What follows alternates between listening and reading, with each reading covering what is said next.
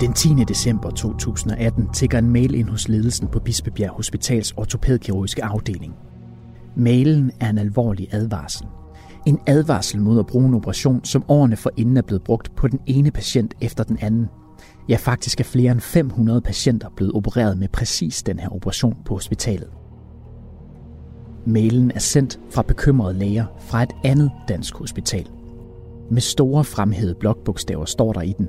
Vi vil med denne skrivelse på det kraftigste opfordre til, at man ophører med denne type kirurgi.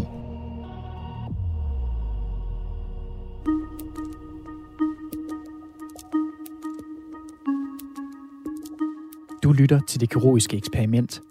Her udruller vi på Radio 4 undersøger historien om, hvordan en kirurgisk afdeling, anført af især én overlæge, har udført operationer, som ingen kendte effekten af. Det har stået på i overvis og i et stort omfang, og det får eksperter til at kalde det for et eksperiment. De har jo fået en eksperimentel behandling, fordi de har fået en behandling, som man ikke kendte den gavnlige og skadelige effekt af. Men patienterne vidste ikke, at de deltog i et eksperiment, og flere af dem har fået men for livet af operationerne. Og som du skal høre nu, så skulle mange af de her patienter slet ikke have været opereret til at begynde med. Kirurgerne opererede dem nemlig uden, at det var nødvendigt. Det var så langt fra min forestilling om, hvad folk kunne finde på i den her verden. Jeg er gået rask ind på et hospital og kommet syg ud. Mit navn er Jais Nørgaard Alstrøm. Det her er andet afsnit af det kirurgiske eksperiment. Få måneder før den her advarsel bliver sendt til Bispebjerg Hospital, har den dengang 20-årige Lærke Havemand, som vi jo mødte i sidste afsnit, netop fået lavet den operation, som lægerne i mailen advarer mod. Jamen efter operationen, så, så går det jo egentlig, det går jo egentlig godt. Eller så godt som det går, når man har sådan en kæmpe stor skistøvle på. Og det havde jeg jo i månedsvis. Skistøvlen er en støttestøvle, som skal fixere hendes fod, mens såret heler. Da hun får støvlen af, starter hun til genoptræning af sin ankel og fod. Men den blev bare ved med at være virkelig mærkelig og, øh, og hæve op. Eller sådan, det, det var meget underligt, når jeg havde været til genoptræning. Mens, mens jeg var der, så hævede den simpelthen så meget. Og, og blev sådan misfarvet, især på indersiden der omkring operationsaret, Og blev virkelig, virkelig øm. Lærke har fået opereret en stærk og fleksibel tråd lavet af kunststof ind i sin ankel som erstatning for anklens inderste ledbånd. Det er den erfarne kirurg Kent Espensen, der har rådet hende til operationen, og som også har udført den. For inden operationen har han fortalt hende, at han kunne se på hendes MR-scanninger, at hendes ledbånd på indersiden af anklen var revet over efter en forstuning. Så, så, så, peger, altså sådan, så peger han der på det, du kan se, altså man kan se på foden ligesom af hælen, eller sådan, at dernede, der på indersiden. Og så peger han ligesom på noget og viser, klikker sådan med musen, se det her, i det her område, der er der lysere, end der er andre steder. Og det er fordi, det her ledbåndene skulle have været, men de er væk. Altså, de er reddet over, og de kan ikke finde tilbage til hinanden. Men altså, jeg har aldrig set det der billede før. Det er jo bare, det er jo bare øh, sorte, altså, det er bare sort i sort, eller sort i hvidt, eller altså sådan. Kirurger laver sjældent den her operation, og normalt kun ved særligt komplicerede ankellidelser. Men ikke Kent Espensen. I hvert fald siden 2010 har han efter eget udsagn også lavet dem på flere hundrede patienter, der har forstuet eller forvredet deres ankler, ligesom Lærke. Operationen skulle kunne løse hendes problemer med anklen, men det sker ikke. Jeg har mere ondt i min fod efter operationen, end jeg havde før. Den, jeg har altså borende smerter på indersiden, jeg har ondt i forfoden, jeg kan ikke afvikle min gang korrekt. Altså jeg kan gå lange distancer, den bliver blå og hævet og er meget misfarvet alle mulige steder.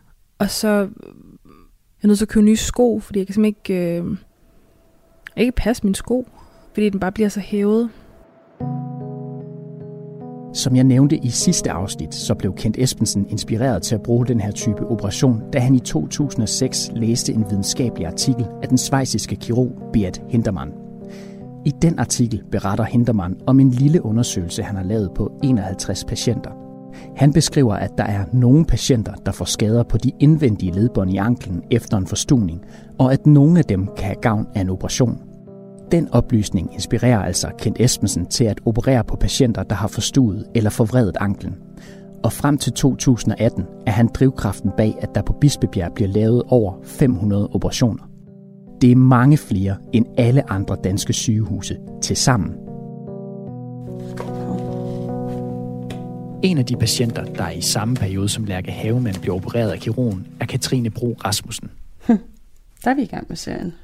Det er mig, der står der. Katrine er i dag 30 år gammel, og vi besøger hende i hendes hjem nord for København. Hun har fundet et fotoalbum frem med de billeder, der er tilbage fra hendes tid som elitegymnast. Det er, sådan, det er en af de der balanceøvelser for at vise balance. Øh, så jeg står på mit venstre ben, og så har jeg højre ben op i luften. Det her var det samme dragt, som vi havde på det ene år til DM, og der, da vi vandt nogle medaljer. Som barn og teenager dyrkede Katrine gymnastik på et højt plan. Jeg hang i den hal, og det var næsten ikke til at hive mig hjem fra den. Jeg elskede det, jeg lavede. Så jeg var aktiv. Brugte min krop fra morgen til aften. Hele sit liv har hun været fysisk aktiv og har haft kontrol over sin krop. Men det har hun ikke længere, for operationen har skadet hendes fod, så hun næsten ikke har nogen bevægelighed tilbage i den. Jeg kunne godt lide at gå lange ture. Jeg kunne godt lide at være udenfor. Jeg kunne godt lide at tage ud og i weekender og drikke cocktails og danse en hel nat. Og det var bare lige pludselig slet ikke muligt for mig længere. Altså de fleste dage i dag, øh, der skal jeg være heldig, hvis jeg overhovedet kommer udenfor. I går var det det at lave... Jeg vaskede noget tøj, og så lavede jeg noget aftensmad. Og så måtte jeg hjem og have foden op af igen, fordi det gjorde ondt. Øhm, jeg er stadig sådan en identitetskrise over, hvem er jeg så nu som menneske, når alt det, jeg kunne, og meget af det, jeg godt kunne lide at lave, er blevet taget fra mig. Katrine har de sidste fire år været hæmmet af den skade, hun har fået af operationen. For hende starter det hele i 2017. Her vrider hun om på sin ankel på en ferie, og da hun kommer hjem fra ferien, får hun anklen undersøgt, fordi den gør meget ondt. Hun får at vide, at den ikke er brækket, men en MR-scanning viser, at hun har en medfødt fejl på en af fodknoglerne, og at det kan være årsagen til, at hun har smerter. Derfor bliver hun henvist til en fodspecialist, og den specialist er Kent Espensen. Jamen, jeg kommer ind til Kent, og så snakker vi lidt om den her sammenvoksning, hvor han siger, at han har set scanningsbillederne, godt se, den er der, men han mener ikke, at det er på grund af den, jeg har ondt i foden. Men at han mistænker lidt, at det kan være noget med ledbåndene, og hiver den her MR-scanning frem på hans øh, skærm, som han beskriver viser, at knoglen er blotlagt, fordi at øh, ledbåndet er væk. Altså, jeg har aldrig set en MR-scanning før. For mig kunne det sådan, det kunne have været et billede af min mave, tænker jeg, og så havde jeg stadig ikke øh, set den store forskel i det, fordi de er sådan et... Ja, de er, sådan, øh, de er flydende. Kent Espensen fortæller altså Katrine, at den medfødte fejl på hendes fodknogle formentlig ikke er årsagen til, at hun har ondt, men at MR-scanningernes billeder til gengæld viser, at de indvendige ledbånd i hendes ankel er revet over. Og derfor anbefaler kirurgen hende at få den operation, som han er specialist i at lave. Altså sådan, på en eller anden måde var der en del af mig, der var ikke lettet over, at jeg skulle opereres, men lettet over, at man havde fundet årsagen til, hvorfor jeg havde så ondt. For så var der i det mindste, så kunne jeg jo få hjælp. Øhm, han beskrev jo også det her med, at ja, han lavede rigtig mange af de her operationer, han var rigtig dygtig, og han var faktisk, altså sådan, han var en af de eneste, der var kun ham og en anden i Danmark, der overhovedet udførte de her operationer. Så på en eller anden måde føler jeg mig også altså sådan heldig på sådan en, ja, sådan, hvor heldig har man lige lov at være, at øh, lige med den skade, at så er det ham, jeg kommer til, og han var venlig, og han var behagelig, han var sådan en, man turde stole på, på alle ledere og kanter overhovedet. altså fordi han bare, sådan lidt ældre herre, og anerkendte, at man havde ondt, og det ikke var rart, og så kom der bare den her dejlige rare mand, som lovede at kunne fikse det hele. Katrine får en tid til operation nogle måneder senere, og i mellemtiden går hun til genoptræning hos en fysioterapeut, og i den periode begynder hendes fod at blive bedre. Og begynder sådan langsomt at kunne gå bedre og bedre, og på det tidspunkt arbejdede jeg som vært inde i nattelivet, og begynder faktisk at kunne altså sådan klare de der lange nattevagter, men hvor jeg har højhælede sko på, og kan gøre det uden det gør ondt, og jeg går uden det gør ondt, og jeg bevæger foden mere og mere igen. Da Katrine skal mødes med Kent Espensen op til operationen, fortæller hun kirurgen, at det går bedre med foden. Men han mener stadig, at hun skal opereres. Jeg kan huske, at han brugte ordene, at jeg ville sagtens kunne gå ud og løbe et halvmarathon. Men det ville ikke ændre det faktum, at mit ledbånd var reddet over. Så det ville skabe problemer. Jeg kan huske, at jeg havde den der følelse af, at det var lidt underligt, at jeg kunne gå igen nu, uden nogen smerter eller noget som helst. Og synes, det var sådan et spøjst, at jeg sådan, hvorfor skal jeg opereres? Det er jo fint. Men, men han var rigtig dygtig til at forklare, hvad det ledbundets funktion er, og Og at det ville kunne skabe endnu flere smerter og skader på sigt, hvis jeg ikke fik det ordnet. Katrine siger ja til at få operationen, og den 27. marts 2018 blev hun opereret.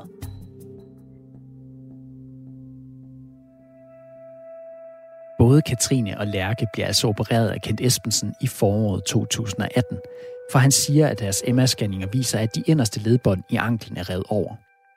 Det er det, som kirurger bruger som den såkaldte indikation, eller med andre ord, begrundelsen for at udføre operationen. Men der er noget, han ikke har fortalt dem om billederne. Jeg, for se her, jeg har printet journalerne fra Katrine og, og Lærkes operationer. Allan Christiansen, der er journalist her på Radio 4, har undersøgt, hvad der står i de to kvinders journaler. Og hvis man tager Katrines journal, så skriver Kent Espensen, at når han kigger på de her MR-billeder, så kan han ikke se, at ledbåndene er der. Han ser det som et udtryk for, at de er revet af. Men når man så kigger på hendes MR-beskrivelse, altså den vurdering, som radiologen har lavet, ham der er ekspert til at vurdere de her billeder, så skriver han her, at de indvendige ledbånd er intakte. Altså, de er der. Og hvis man så tager Lærkes journal, så skriver Kent også, at MR viser, at ledbåndene er revet af. Står lige her. Men i MR-beskrivelsen, nogle uger forinden, der vurderer radiologen, at ledbåndene er der. Så kirurgen Kent Espensen er jo enig med, hvad eksperten, radiologen, har vurderet. Den uenighed skal man som patient selvfølgelig være informeret om, så man kan træffe et informeret valg, om man ønsker den her behandling eller ej. Det her er Thomas Plov. Han er professor i anvendt etik og formand for den forskningsetiske komité ved Aalborg Universitet. Og hans vurdering er klar. Radiologerne er per definition de bedst kvalificerede. De er de kompetente til at vurdere, hvad der er på de her billeder. Man kan sige, at der er to problemer her. Det første problem er, at man ikke har er informeret om, at der er uenighed mellem forskellige lægefaglige specialer om, hvad patientens tilstand er, hvad der er indikation for at gøre. Noget andet er, at man heller ikke er informeret om, at det bedste faglige skøn her jo kommer fra radiologerne, som siger, at der her ikke er indikation for indgreb. Så i de sager øh, vil der være tale om, at patienterne er blevet ført bag lyset. Katrines fod bliver ligesom Lærkes dårligere og dårligere i tiden efter operationen. Og efter fem måneder under en ferie i Grækenland bliver det tydeligt for hende, at noget er helt galt. Min fod hævede helt vildt meget, og min kæreste måtte ligesom hjælpe mig med at gå og støtte i mig. Jeg kunne ikke gå på en strand selv. Jeg skulle have hjælp. Øh, jeg lignede en, der mest af alt var alt, alt, alt for fuld til at være vågen om dagen, fordi jeg slet ikke havde nogen som helst form for balance. Jeg sige, en ting var det her med, at den ikke bevægede sig, men jeg havde jo også altså, enormt mange smerter stadig. Der blev det på en eller anden måde meget tydeligt for mig, at der er noget, der ikke er, som det skal være. Efter flere måneders problemer med de opererede ankler, ender både Katrine og Lærke hver især igen hos Kent Espensen for at finde ud af, hvorfor de har ondt. Og så er han sådan, Nå Lærke, hvordan går det? Det er ikke blevet bedre. Det gør stadigvæk ondt. Den bliver stadig hævet. Den er så, det, er noget, det er noget møg. Og så starter han med at kigge på foden og siger, at han kan godt se, at der er jo ikke så meget bevægelighed i den, og han kan godt mærke på mig, at det gør ondt, når han trykker. Og han siger, den her sådan strammende fornemmelse, den her fornemmelse af, at du ikke så godt kan bevæge den, det er simpelthen fordi tråden er for stram ind i foden. Okay, Nå, så er det det andet problem. Det her med de her fiberwire-knuder. Så dem synes jeg, vi skal fjerne. Fordi så bliver det bedre, det lover jeg. Det plejer ligesom at gøre tricket. Og så bliver det fint. Han gav mig ligesom et ret klart indtryk af, at det var ham eller ingenting. Så begynder han at snakke noget om, at han kan se, at min stortå også er lidt stiv. Så den kan man gå ind og lave en mindre operation på samtidig med, fordi så vil det også være med til at hjælpe mobiliteten. Og der tror jeg, der ramte mig et eller andet på sådan en... Nej. Altså sådan, jeg kom her ind, og lige inden operationen havde jeg ikke nogen smerter, og nu har jeg altså sådan, smerter, så jeg ikke kan gå. Øh, jeg gik stadig med mine krykker fra øh, operationsgangen dengang, og lige pludselig ville han også operere min store tog, og, og det, det synes jeg var for mærkeligt. Der valgte jeg faktisk at sige til ham, at det havde jeg ikke nogen interesse i. Jeg vil gerne søge en second opinion. To unge kvinder er altså blevet opereret. Begge oplevede inden operationen lidt ømhed i foden, men de kunne gå, passe deres arbejde og gøre de fleste dagligdags ting. Alligevel insisterer kirurgen på Bispebjerg på, at de bør få operationen, og for begge kvinder ender den operation med at påføre dem mærkbart flere smerter end selve skaden, de startede med. Og Katrine er blevet skeptisk. Derfor tager hun til videre Hospitals fodkirurgisk afdeling for at få sin second opinion. Her bliver hun mødt af to fodkirurger, som gennemgår de samme MR-billeder, som Kent Espensen gennemgik med hende før operationen. De starter lige med at kigge på min fod og tilse den, og så forklarer de mig, at jeg er ikke den eneste, de har set herude, og at de har gennemgået alle mine scanningsbilleder fra der blev foretaget inden min operation. Og på alle de her scanningsbilleder er der ikke nogen, altså de kan ikke se, der har været en indikator for overhovedet at udføre den her operation. De kan simpelthen ikke se, at mit ledbånd mangler på de her billeder. Jeg brød sammen. Jeg tror, min bedste ord for det er, at det, altså, det var fuldstændig dybt surrealistisk. Altså sådan, jeg gik jo på et hospital for at blive rask. Og nu sidder de og siger til mig, at grund til, at min fod er så dårlig så mange måneder efter, er fordi, at jeg var rask. Og hvad så nu? Er jeg så ikke rask nu? Og du ved, så kom alle de der spørgsmål, hvad så? Og kan I, kan I så gøre mig rask? Og altså sådan, det, ja, det var surrealistisk. Altså, jeg tror ikke helt, jeg forstod, hvad der egentlig blev sagt til mig dengang. Det tror jeg stadig ikke helt, jeg gør i dag. Kirurgerne på Hvidovre fortæller Katrine, at hun ikke er den eneste patient, de møder, som har haft problemer med den her operation. Derfor beslutter en af hospitalets fodkirurger, Lars Ebskov, at sende en mail til Bispebjerg og flere af de danske fodkirurger på vegne af hans afdeling. Den mail har vi fået agtindsigt i, og det var den, jeg fortalte om i starten af programmet. Her i skriver Lars Ebskov, at andre kirurger nu modtager en uacceptabel strøm af patienter, der har modtaget den her type operation, som Bispebjerg altså har udført på flere end 500 patienter. Og han tilføjer, vi vil med denne skrivelse på det kraftigste opfordre til, at man ophører med denne type kirurgi. Han skriver også, at patienterstatningen er i gang med at analysere en del af sagerne, og der vil være en risiko for en masse skadesag. Og han tilføjer, at operationen normalt kun udføres på folk med særlige fodlidelser eller anatomiske udfordringer. Og så skriver han, at de på Hvidovre Hospital har forelagt sagen for Beat Hintermann. Altså den svejsiske kirurg, hvis lille studie inspirerede Kent Espensen til at lave operationerne. Og ifølge deres Ebskov, så opponerer Hintermann på det kraftigste mod det, der foregår.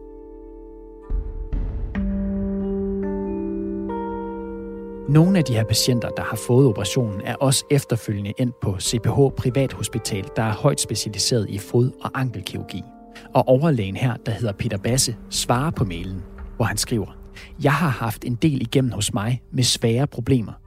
Og så skriver han, at operationerne til synlædende var gennemført uden grund. Han havde set på MR-scanningerne af patienternes ankler og diskuteret dem med flere MR-læger. Og han skriver, og nu citerer jeg, i de fleste tilfælde er det helt normal anatomi, der opereres på. Det vil sige, at der efter Peter Basse og hans kollegers opfattelse slet ikke var grund til at udsætte patienterne for operationen. Peter Basse skriver videre, at han ikke kan finde hoved og hale i de journaler, patienterne har med sig.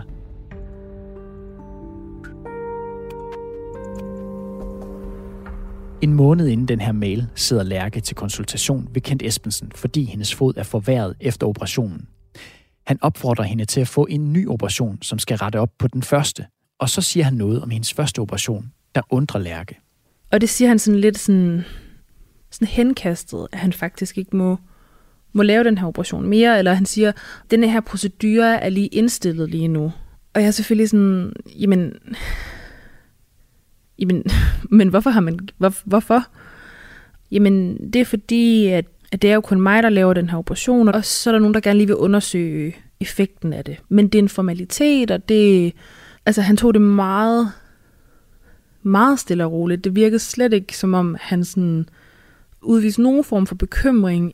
Bispebjerg Hospital har altså stoppet brugen af den her operation. Og det har de gjort kort tid efter Lærke og Katrine får den lavet. Men Lærke tænker i situationen ikke videre over det, hun hører. Jeg ved jo ikke noget om, hvordan sådan noget fungerer. Og jeg følte mig jo stadig bare helt vildt heldig over, at jeg lige var dumpet ned i hænderne på ham, øh, og han kunne hjælpe mig. Fordi han virkede så selvsikker. På kirurgens opfordring siger Lærke ja til den nye operation. Under operationen får hun ligesom sidste gang lagt en blokade, som bedøver hendes venstre ben. Bedøvelsen den skal være aftaget efter 12 timer, men halvanden måned senere kan hun stadig ikke mærke sit ben. Det føles som om det sover. Det er som om jeg ikke rigtig kan styre det. Det, det stikker helt vildt på sådan en meget mærkelig måde. Jeg, ikke, jeg kan ikke genkende det. Jeg har ikke oplevet det før. Jeg har ikke, den følelse har jeg ikke følt før. Til en opfølgningssamtale med Kent Espensen fortæller hun ham, at hun stadig ikke kan mærke en stor del af benet. Og så kigger han bare sådan virkelig undersøgende på mig i et par sekunder og siger, det er ikke godt. Det er ikke godt. Det skal vi lige have kigget på. Fordi det er ikke meningen. Det skulle være gået væk for længst. Det viser sig, at hun har fået nerveskade under anden operation, fordi anestesilægen ved et uheld har ramt en af nerverne i hendes lår, da blokaden blev lagt. Lærke vælger derfor at klage over operationerne til Styrelsen for Patientklager. Der er altså sket for mange ting her, som ikke er, som de skal være. Derfor for mange mærkelige ting med den her operation, eller sådan, og nu havde jeg det stadigvæk øh, dårligt, og jeg endnu dårligere bagefter, og der er også mange ting, der altså bliver klart for mig, at min tillid til kendt helt generelt har været på et alt for spinkelt grundlag. På baggrund af klagen bliver Lærke kaldt ind til en samtale på Bispebjerg Hospital. Og her møder hun den ledende overlæge for hospitalets ortopædkirurgi, og Henrik Palm, der er ny leder af afdelingen. Jeg kan huske, at spørge, om de siger, du har ikke nogen med? Og så siger jeg, nej, det har jeg ikke. Og så siger Henrik, Nå, men Lærke, du er her i dag, fordi at der er virkelig nogle ting, vi skal have snakket om her. Og så tager den anden læge ligesom over. Jamen, han siger, at, at han er rigtig ked af, at han er nødt til at fortælle mig, at jeg aldrig skulle have haft en operation. Og siger, øh, MR-beskrivelsen viser, at min ledbånd var intakte. At de ting, der var galt med min fod, ville være helet af sig selv. Altså, jeg var bare sådan, jeg anede ikke, hvad jeg skulle sige det kan simpelthen ikke være rigtigt. Altså selvom, selvom det her det var sket for mig, det var sket på min krop, så var jeg bare sådan, det der, det kan simpelthen ikke, det kan ikke ske i Danmark. Hverken Katrine eller Lærke skulle altså have været opereret. I begge tilfælde konstaterer radiologer allerede inden operationen, at de indvendige ledbånd i anklen ikke er revet over. Vi tager kontakt til kirurgen Kent Espensen, det er Kent. Hej Kent, det er Allan Christiansen fra Radio 4. Hej du. Hej. Og vi spørger, hvorfor han kan se noget, radiologerne ikke kan. Det kan jeg, fordi at jeg, jeg har opdaget, at øh, de fleste radiologer er ikke særlig gode til MR af fødder. Hvorfor oplyser du så ikke patienterne om, at du kan se noget andet på de her MR-scanninger, end radiologen kan? Jamen, det gør jeg også. Det, det fremgår ikke af, af journalen i hvert fald? Ja, det gør det i, i de fleste tilfælde, men altså, det er, de får at vide, at jeg er uenig med den beskrivelse, der er. Okay. Hvis den, hvis den ikke er korrekt, selvfølgelig. Ikke? Okay. Det er bare, i de eksempler, jeg har set, der, der fremgår det ikke, men det er der måske en naturlig forklaring på. Hvad ved jeg? Kent Espensen afviser også udsagnene fra Lars Ebskov og de andre læger, der skriver sammen om operationen i mailkorrespondancen i 2018. I, I bund og grund, så er min holdning, jeg er skide ligeglad med, om Lars Ebskov og andre ikke synes, de skulle have været opereret. Når jeg kunne mærke og høre på patienterne, at de har fået det bedre af det. Men... At der så er nogen, der har problemer, det er jeg ked af. Selvfølgelig. Det giver sig selv. Når andre læger og radiologer ikke kan få øje på de skader på ledbåndene i patienternes ankler, som Kent Espensen opererede dem for, så skyldes det, at de ikke er dygtige nok til deres job, mener han. De her mange øh, skeptiske mennesker, de kan jo ikke øh, åbenbart øh, kigge på en MR-scanning ordentligt. Er du bedre til at se på det her, en radiolog er? Ja. Det har jeg været i overvis.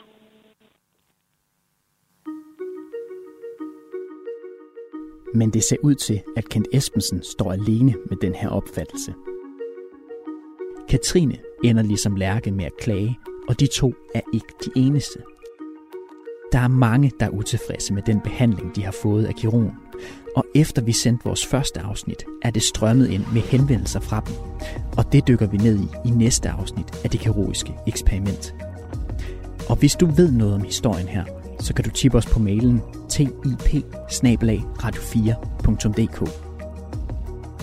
Vi har til serien her forsøgt at komme i kontakt med den svejsiske kirurg Beat Hindermann, men han er ikke vendt tilbage på vores henvendelser. Programmet var tilrettelagt og klippet af Cecilie Sønderstrup, Oscar Leo Mathisen, Allan Christiansen og af mig. Jeg hedder Jais Nørgaard Alstrøm.